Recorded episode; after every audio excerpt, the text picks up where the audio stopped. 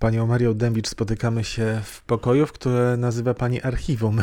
Archiwum Różewicza, archiwum swoim oczywiście. To jest archiwum recepcji Różewicza, taki niewielki pokój, w którym ja piszę na laptopie, śpię i mam wszystkie książki pod ręką. Wydaje mi się, że zgromadziłam wszystkie wydania książek Tadeusza Różewicza we wszystkich językach. To znaczy w 55.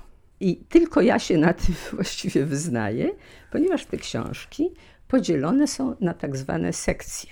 Na przykład na tej półce koło dramatów są wydania chińskie i japońskie.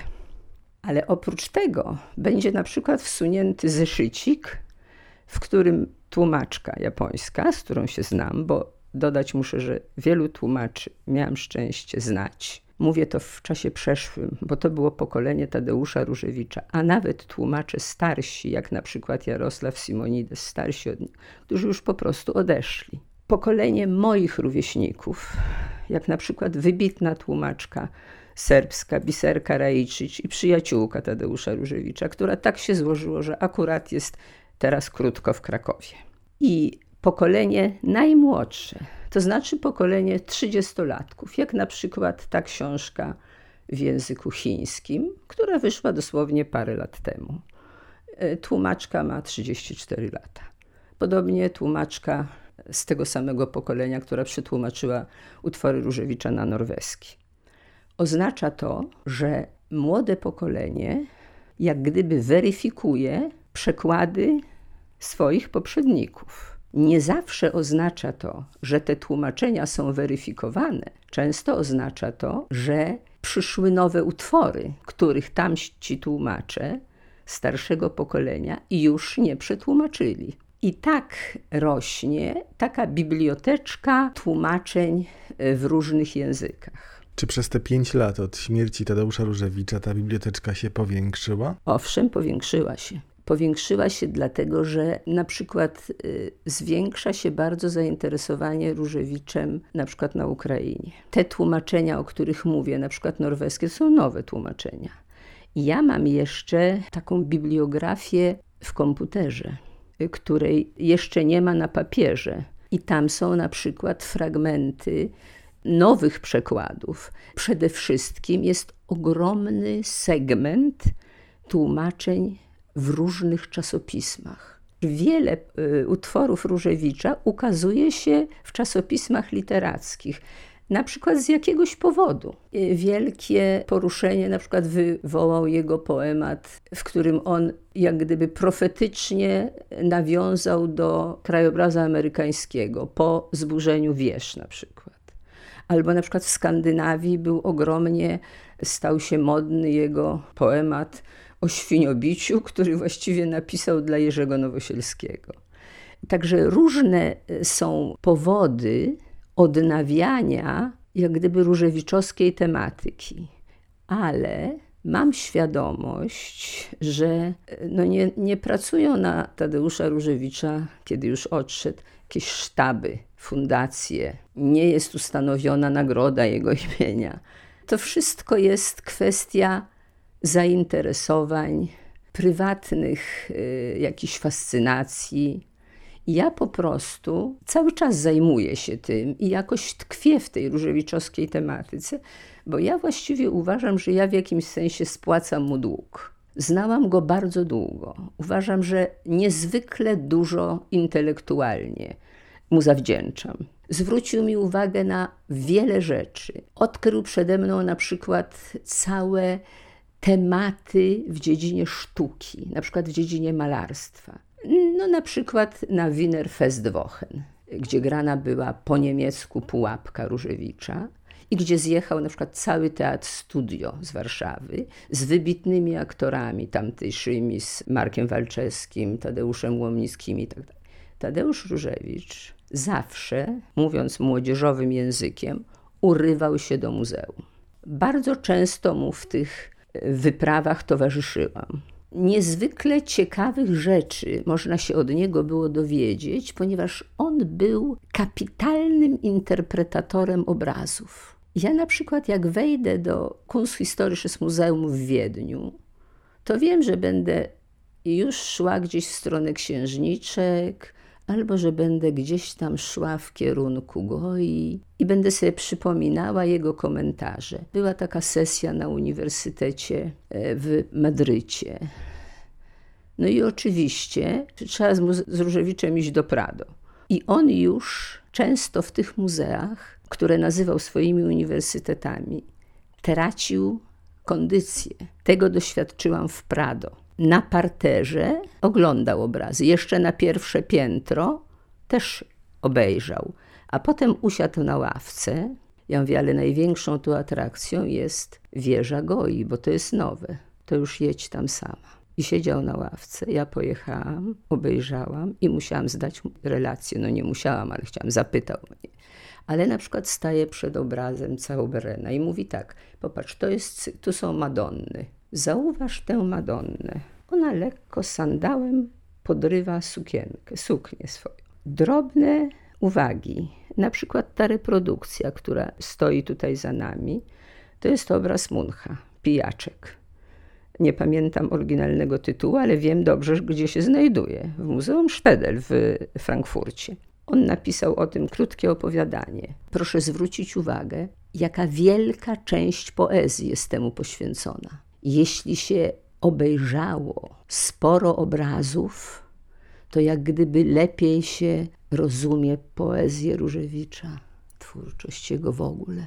To ciekawe, co pani mówi, bo w, na przykład w kontekście Herberta też obrazy były bardzo ważne, więc może tamto pokolenie po prostu miało tak. taką, czuło taką więź z sztuką, która jest malowana.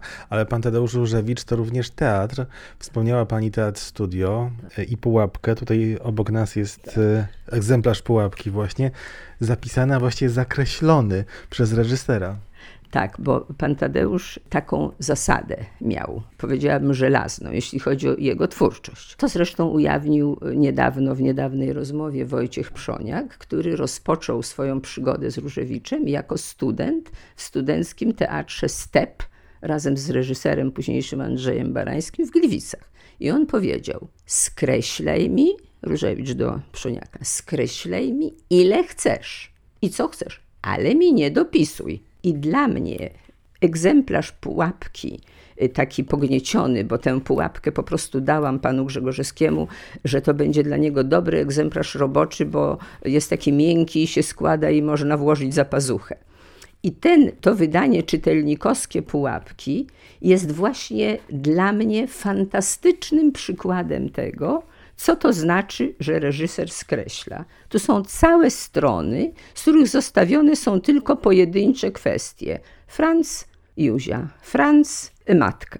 Całe strony, proszę zobaczyć, są poskreślane. Nigdzie nie ma żadnego dopisku, jednego słowa. Dopisek jest owszem taki, Chodakowska, kreska, że tu będzie przejście, tu jest kreska, tu będzie śpiewa tę linię. Proszę zobaczyć, jak wygląda ten egzemplarz. Dlatego wszystkie przedstawienia Grzegorzewskiego, który był zafascynowany twórczością Różewicza, bo jak pan wie, rozpoczął we Wrocławiu już od śmierci w starych dekoracjach. Potem robił Złowionego. Potem prowadził Teatr Narodowy, gdzie grano dalej Różewicza. Ale sam Grzegorzewski wrócił do Różewicza pod koniec, jak się potem okazało, życia. Poprzez Złowionego i poprzez te poematy, jak Śmierć w starych dekoracjach, zrobił duszyczkę, która zdawałoby się jest po prostu jednym zwartym tekstem. To jest y, takie bardzo ciekawe wydanie duszyczki, bo ja w ogóle rękopis duszyczki Tadeuszowi Różewiczowi przepisałam przed publikacją. I to jest pierwsze wydanie WL-u, także ja jeszcze sobie tu sprawdzałam, czy wszystko dobrze e, przepisałam. Jego zafascynował ten tekst. Ta duszyczka, która miała premierę w 2005 roku, jest grana do tej chwili. Dwa tygodnie temu było dwusetne przedstawienie duszyczki i to było ostatnie spotkanie Różewicza i ostatnie spotkanie Grzegorzewskiego. Oni o tej duszyczce rozmawiali jeszcze w Konstancinie.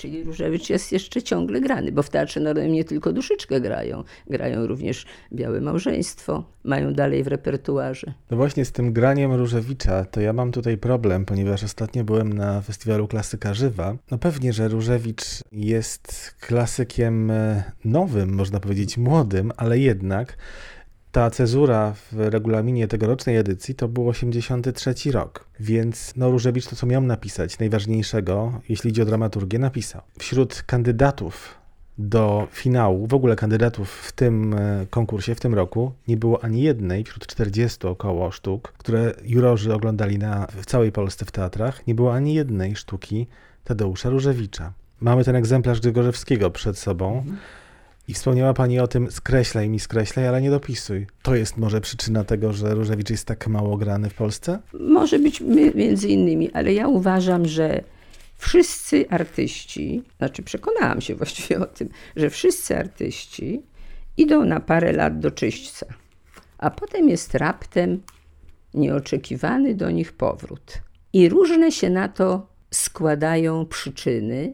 Ja czuję, że płyną pewne podskórne nurty, bo mam dosyć sporo kontaktu z młodym pokoleniem. Bardzo mnie wielką, wielkim optymizmem napawa to, jak środowiska akademickie, jak ta młodzież, która z kilku uniwersytetów spotyka się co dwa lata na seminariach na Uniwersytecie Wiadrina i w Collegium Polonicum, jak oni pracują nad Różewiczem. Co ich z Różewicza interesuje? Otóż niekoniecznie musi to być dramaturgia.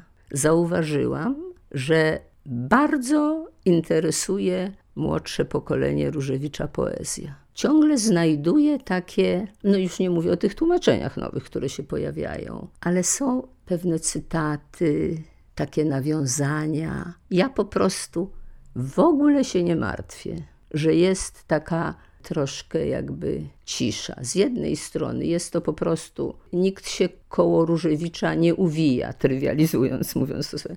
Nie zajmuje się nim, prawda? Żadna fundacja, kilka osób, które robią to zawodowo, które wzmagają to zainteresowanie, ogłaszając nagrodę. Nie, po prostu to jest tak, jak on by chciał, żeby było trochę ciszy, spokoju, Zresztą on nie uczynił nic, kompletnie nic.